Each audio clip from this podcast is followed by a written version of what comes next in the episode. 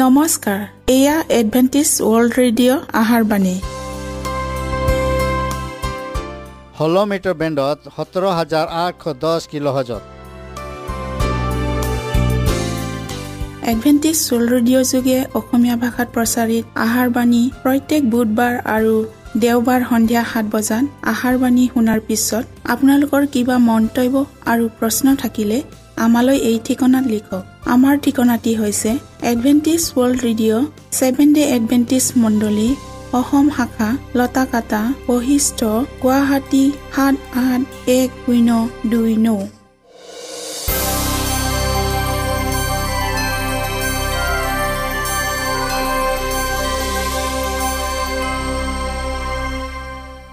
প্ৰিয় শ্ৰোতা বন্ধুসকল এতিয়া শুনো আহক এটি খ্ৰীষ্টীয় ধৰ্মীয় গীত।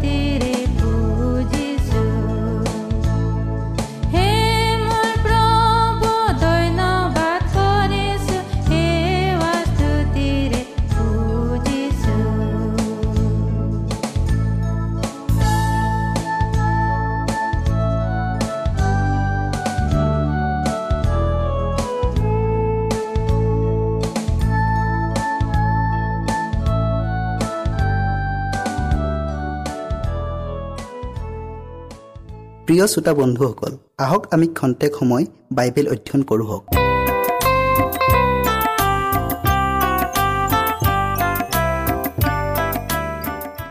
এতিয়া আমি দানিয়েল ন অধ্যায় বিছ পদৰ পৰা সাতাইছ পদলৈ চাওঁ হওক।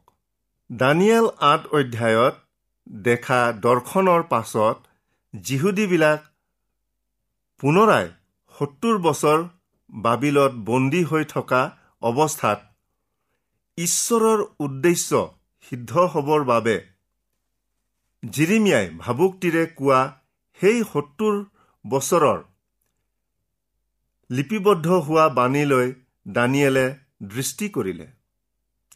যিহুদীবিলাকে ঈশ্বৰৰ আজ্ঞা লংঘন কৰা বাবে ঈশ্বৰে পুনৰাই সিবিলাকক বাবিললৈ বন্দী হৈ যাব দিলে। দুখৰ বিষয় সিবিলাকে বাবিলত বন্দী হৈ থাকিলেও নিজৰ নিজৰ দুষ্টামি ত্যাগ কৰিবলৈ ইচ্ছা নকৰিলে। দানিয়েলে যিহুদীবিলাকৰ এনে অধপতন দেখি লোকবিলাকৰ হৈ সিবিলাকৰ পাপ ক্ষমাৰ কাৰণে ঈশ্বৰৰ আগত ক্ৰদনেৰে প্ৰাৰ্থনা কৰিলে। মাদীয় পাৰস্য সৈন্যবাহিনীয়ে বাবিল জয় কৰাৰ পাছত এই নতুন শাসনকৰ্তাৰ অধীনত দানিয়েলে এক উচ্চ পদস্থ বিষয়াৰ পদত আছিল।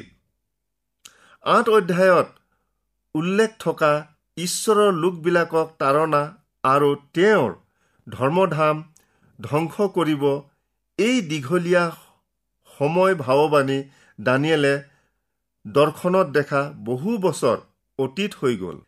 গাব্ৰিয়েল দূতে দানিয়েলক দৰ্শনত উল্লেখিত কথাবোৰ বিবেচনা কৰি বুজিবলৈ কোৱাৰ লগে লগে তেইছশ বছৰৰ এটা সময়ৰ অংশ যিহুদীবিলাকক ঈশ্বৰৰ আগত নিজৰ যোগ্যতা আৰু বাধ্যতাৰ প্ৰমাণ দিবলৈ সুযোগ দিয়া হ'ল বুলি ক'লে। যিহুদীবিলাকক সত্তৰ সপ্তাহ বা চাৰিশ নব্বৈ দিন সময় দিয়া হ'ল যাতে সিবিলাকে ঈশ্বৰৰ ইচ্ছা বা উদ্দেশ্য তেওঁৰ চিৰকলীয়া ধাৰ্মিকতা সিদ্ধ কৰে। কিন্তু সিবিলাকে নিজৰ নিজৰ পাত্ৰ পাপেৰে পৰিপূৰ্ণ কৰিলে আৰু সিবিলাকৰ সেই সুসময় অতীত হৈ গ'ল। ইয়াৰ আগতে উল্লেখ কৰা এক হাজাৰ দুশ ষাঠি বছৰ আৰু দুই হাজাৰ তিনিশ বছৰ সত্তৰ সপ্তাহ বা চাৰিশ নব্বৈ দিন এই প্ৰতীক ভাৱবাণীৰ চাৰিশ নব্বৈ বছৰক বুজায়। দুই হাজাৰ তিনিশ বছৰৰ প্ৰথম অংশ দানিয়েলে যিহুদীবিলাকৰ কাৰণে যি এবাৰ সুযোগ দিয়াৰ প্ৰাৰ্থনা কৰিছিল সেই সুযোগ দিয়া হ'ল। চাৰিশ নব্বৈ বছৰৰ আৰম্ভণিৰ দিন গাব্ৰিয়েল দূতে জিৰচালেমক পুনঃ স্থাপন আৰু নিৰ্মাণ কৰিবৰ আজ্ঞা প্ৰকাশিত হোৱাৰে পৰা বুলি দেখুৱাই দিছে। পাৰস্য ৰজা অৰ্থক্ষত্ৰই খ্ৰীষ্টীয় পূৰ্ব চাৰিশ সাতাৱন্ন খ্ৰীষ্টাব্দত এনে এক ৰাজ আজ্ঞা ঘোষণা কৰিছিল। এই আজ্ঞা প্ৰকাশিত হোৱাৰে পৰা এজন অভিষিক্ত অধিপতিলৈ সাত সপ্তাহ আৰু বাষষ্ঠি সপ্তাহ বা ঊনসত্তৰ সপ্তাহ অৰ্থাৎ চাৰিশ তিৰাশী বছৰ। যীশুৱে জৰ্ডনত বাপ্তিস্ম লোৱাৰ পাছতেই পবিত্ৰ আত্মাৰ দ্বাৰাই অভিষেক হ'ল। এইদৰে ঈশ্বৰে তেওঁক মচিহ বা অভিযুক্ত জনা বুলি স্বীকৃতি প্ৰদান কৰিলে। এয়া চাৰিশ সাতাৱন্ন খ্ৰীষ্টপূৰ্বৰ পাছৰ পৰা সঠিক ৰূপে চাৰিশ তিৰাশী বছৰৰ সাতাইছ খ্ৰীষ্টাব্দত ঘটিছিল। এই সময়ৰ পৰাই যীশুৱে তেওঁৰ জাগতিক পৰিচৰ্যা কাৰ্যত ব্যস্ত হৈ পৰিছিল।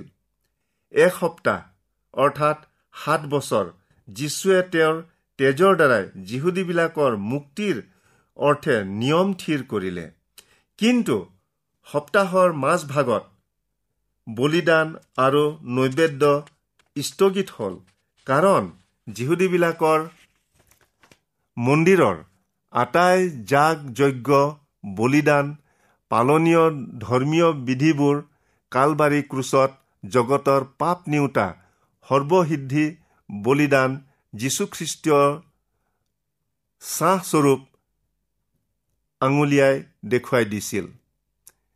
যেতিয়া তেওঁৰ সপ্তাহৰ মাজভাগত বা অভিযুক্ত হোৱাৰ চাৰে তিনি বছৰৰ পাছত ছাহ প্ৰতি ছাহৰ সন্মুখীন হোৱাত এখন অদৃশ্য হাতে যিহুদীবিলাকৰ মন্দিৰৰ মাজৰ আৰ কাপোৰখন ওপৰৰ পৰা তললৈ সম্পূৰ্ণ দুফালকৈ ফালি পেলালে। তেতিয়াৰে পৰা পাৰ্থিৱ মন্দিৰৰ বলিদান উৎসৰ্গ আদিৰ আৰু মূল্য নোহোৱা হ'ল। যিহুদীবিলাকৰ সৈতে থিৰ কৰা নিয়ম বা বিধি চৌত্ৰিছ খ্ৰীষ্টাব্দলৈকে আছিল আৰু এইখিনি সময়তে ভাৱবাণীৰ সত্তৰ সপ্তাহৰ সমাপ্ত হৈ প্ৰজাতিবিলাকৰ মাজত সুবাৰ্তা প্ৰচাৰ আৰম্ভ হ'ল। যিহুদীবিলাকে সুবাৰ্তাক সম্পূৰ্ণৰূপে অগ্ৰাহ্য কৰিলে। চাৰিশ নব্বৈ বছৰো ইয়াতেই শেষ হ'ল। তেতিয়াৰে পৰা ভাল আৰু বেয়াৰ ঘূৰ বিবাদ জাগতিক ইছৰাইল জেৰুচালেম আৰু পাৰ্থিৱ মন্দিৰতে আবদ্ধ হৈ থকা নাই।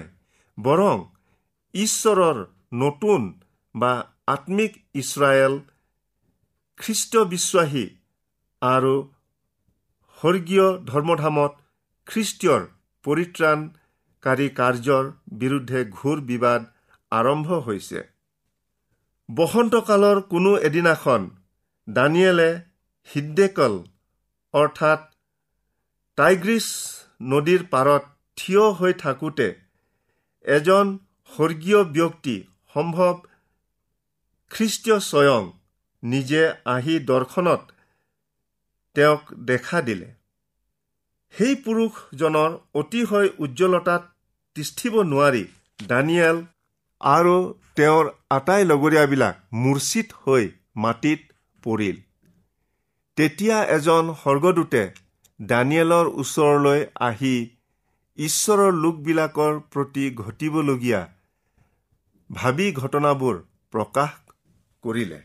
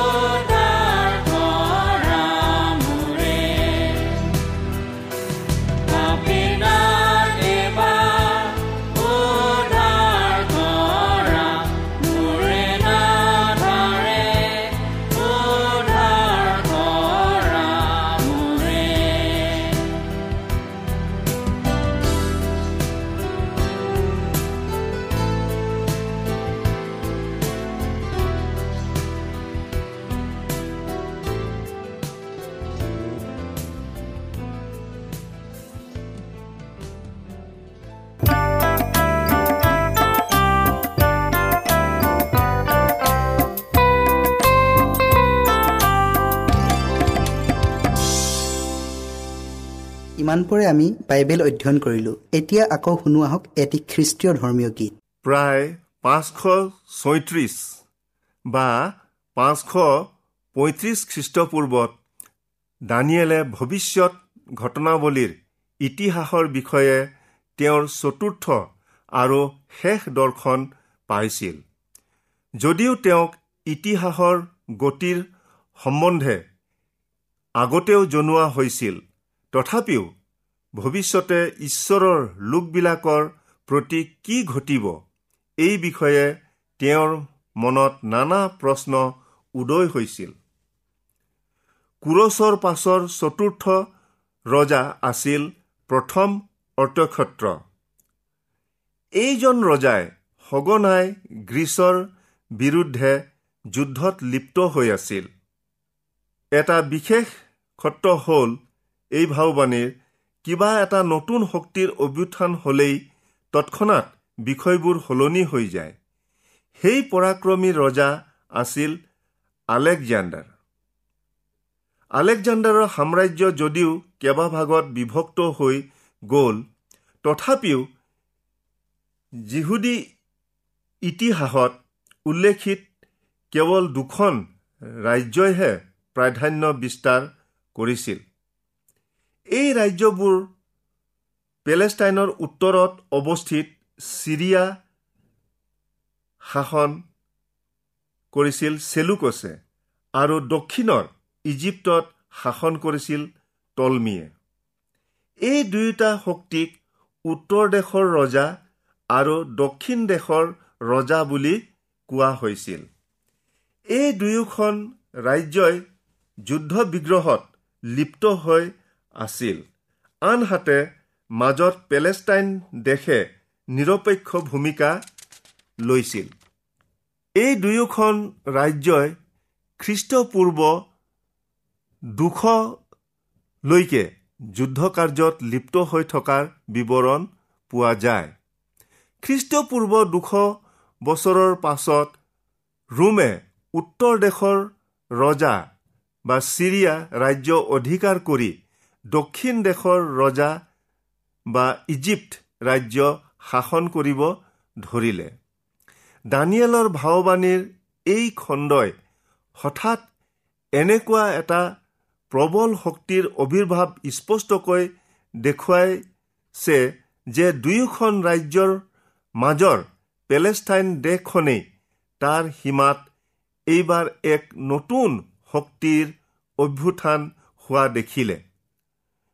খ্ৰীষ্টপূৰ্ব তেষষ্ঠিত ৰোমে এই ভাওবাণী সিদ্ধ কৰিলে। আৰু তেতিয়াৰে পৰাই ৰোম ৰাজ্য প্ৰথম কৈছৰ বা চিজাৰ জুলিয়াছৰ দ্বাৰাই ৰাজশাসন আৰম্ভ কৰিলে। যিজনে শাসনভাৰ পাই স্বদেশলৈ প্ৰত্যাৱৰ্তন কৰোঁতে উজুতি খাই মাটিত পৰি মৃত্যু হ'ল। ইয়াৰ পাছত যি বছৰত যীশুখ্ৰীষ্টীয়ৰ জন্ম হৈছিল সেই বছৰতেই আগষ্ট কৈছৰে অৰ্থাৎ চিজাৰ গোটেই দেশখনৰ ওপৰত ৰাজকৰ দিয়াৰ আদেশ ঘোষণা কৰিলে। আৰু সম্ৰাট টিবিৰিয়াছৰ শাসনৰ কালত খ্ৰীষ্টৰ মৃত্যু হৈছিল। নিয়মটিৰে বন্ধা অধিপতিজন কেৱল যীশুখ্ৰীষ্টীয়ৰ বাহিৰে আন কোনো নহয়। টিবিৰিয়াছৰ ৰোম সাম্ৰাজ্য চৌধ খ্ৰীষ্টাব্দৰ পৰা সাতত্ৰিছ খ্ৰীষ্টাব্দলৈ আছিল। শাসনকালত যীশুখ্ৰীষ্টীয়ৰ মৃত্যু হৈছিল। ন অধ্যায়ত তেওঁক অভিষিক্ত অধিপতি অনেকৰ লগত এটি দৃঢ় নিয়ম কৰিব বুলি কৈছে। ৰোম সাম্ৰাজ্যৰ বিস্তাৰৰ লগে লগে ৰাজনৈতিক কৌশল সামৰিক বিষয়ত শক্তি বৃদ্ধি ইত্যাদিৰ সবিশেষ ছবি এটা দাঙি ধৰিছে। এতিয়া ভাওবাণীয়ে ওপৰত কৈ অহা শক্তিয়ে ঈশ্বৰৰ মন্দিৰ আৰু তেওঁৰ লোকবিলাকৰ বিৰুদ্ধে অভিযান চলাব বুলি আগজাননী দিছে। ইয়াতে আমি আগেয়ে আঠ অধ্যায়ত ৰাজ্য ক্ষমতাক হস্তান্তৰিত কৰি এটা ৰাষ্ট্ৰ গীৰ্জা সন্মিলিত ৰাষ্ট্ৰ স্থাপনৰ বিষয়ে পাই আহিছোঁ। পাছৰ উল্লেখিত ক্ষমতাই ঈশ্বৰৰ লোকক তৰোৱাল অগ্নিশিখা বন্দী অৱস্থা আদিৰ দ্বাৰাই বহু সময়লৈ অত্যাচাৰ কৰিব। ইয়াত বহুত সময়লৈ বা বহু দিনলৈ উল্লেখ কৰা এক হাজাৰ দুইশ ষাঠি দিনৰ সৈতে সমান্তৰালভাৱে একেই। ঈশ্বৰৰ প্ৰকৃত বিশ্বাসী লোকবিলাক পৰীক্ষা সিদ্ধ হৈ পবিত্ৰ হ'বৰ বাবেই এই তাৰণাৰ উদ্দেশ্য। আৰু শেষৰ সময় বুলি যি খণ্ডবাক্য ইয়াত পোৱা গৈছে সেয়ে এক হাজাৰ দুশ ষাঠি বছৰ সময়ছোৱাৰ সোতৰশ আঠানব্বৈ খ্ৰীষ্টাব্দক বুজাইছে। এই পদবোৰত ৰোমিঅ শাসনৰ প্ৰকৃত গুণবোৰ সংক্ষেপে কিন্তু স্পষ্টকৈ দেখুৱাইছে। পৌলে তেওঁৰ দিনৰ পৰা অনেক দিনৰ মূৰত ঘটিবলগীয়া এই অপৰিসীম ক্ষমতাৰ বিষয়ে আঙুলিয়াই দেখুৱাই দিছিল আৰু এঘাৰ অধ্যায়ৰ দৰ্শনৰ ভৱিষ্যত ঘটনাৱলীৰ সাদৃশ্য আছে যে এক বিশেষ ক্ষমতা আৰু ব্যৱস্থাই ভাল আৰু বেয়াৰ মনোমালিন্যতাৰ এক গুৰুত্ব স্থান ল'ব। এতিয়া ভাওবাণীৰ ঘটনাৰ তুংগত উধাই গৈছে। উক্ত শাস্ত্ৰ পথবোৰত এই সংসৰ্গৰ শেষৰ দিনবোৰত ঘটিবৰ উপক্ৰম হৈছে। ইয়াক বুজাত অকণো অসুবিধা হোৱা নাই। সেই শক্তি বা ক্ষমতাই তাৰ শত্ৰুবোৰ নিশেষ কৰিবলৈ শেষ দুৰ্ঘোৰ প্ৰচেষ্টা চলাব। কিন্তু তাৰ অন্তিম সময় উপস্থিত হ'ল।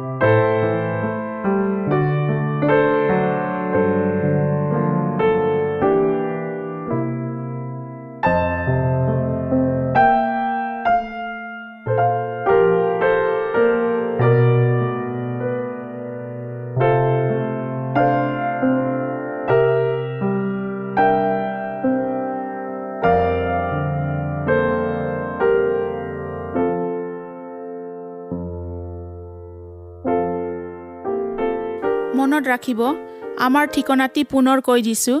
Adventist world radio' Assam region of seven day Adventist voice of hope Latakata Basistha Guwahati seven eight one zero' two nine প্ৰিয় শ্ৰোতা বন্ধুসকল এডভেণ্টিজ ৱৰ্ল্ড ৰেডিঅ' যোগে আহাৰবাণী প্ৰচাৰত আপোনালোকক পুনৰ লগ পোৱাৰ আহাৰে আজিলৈ সামৰিলোঁ। ধন্যবাদ।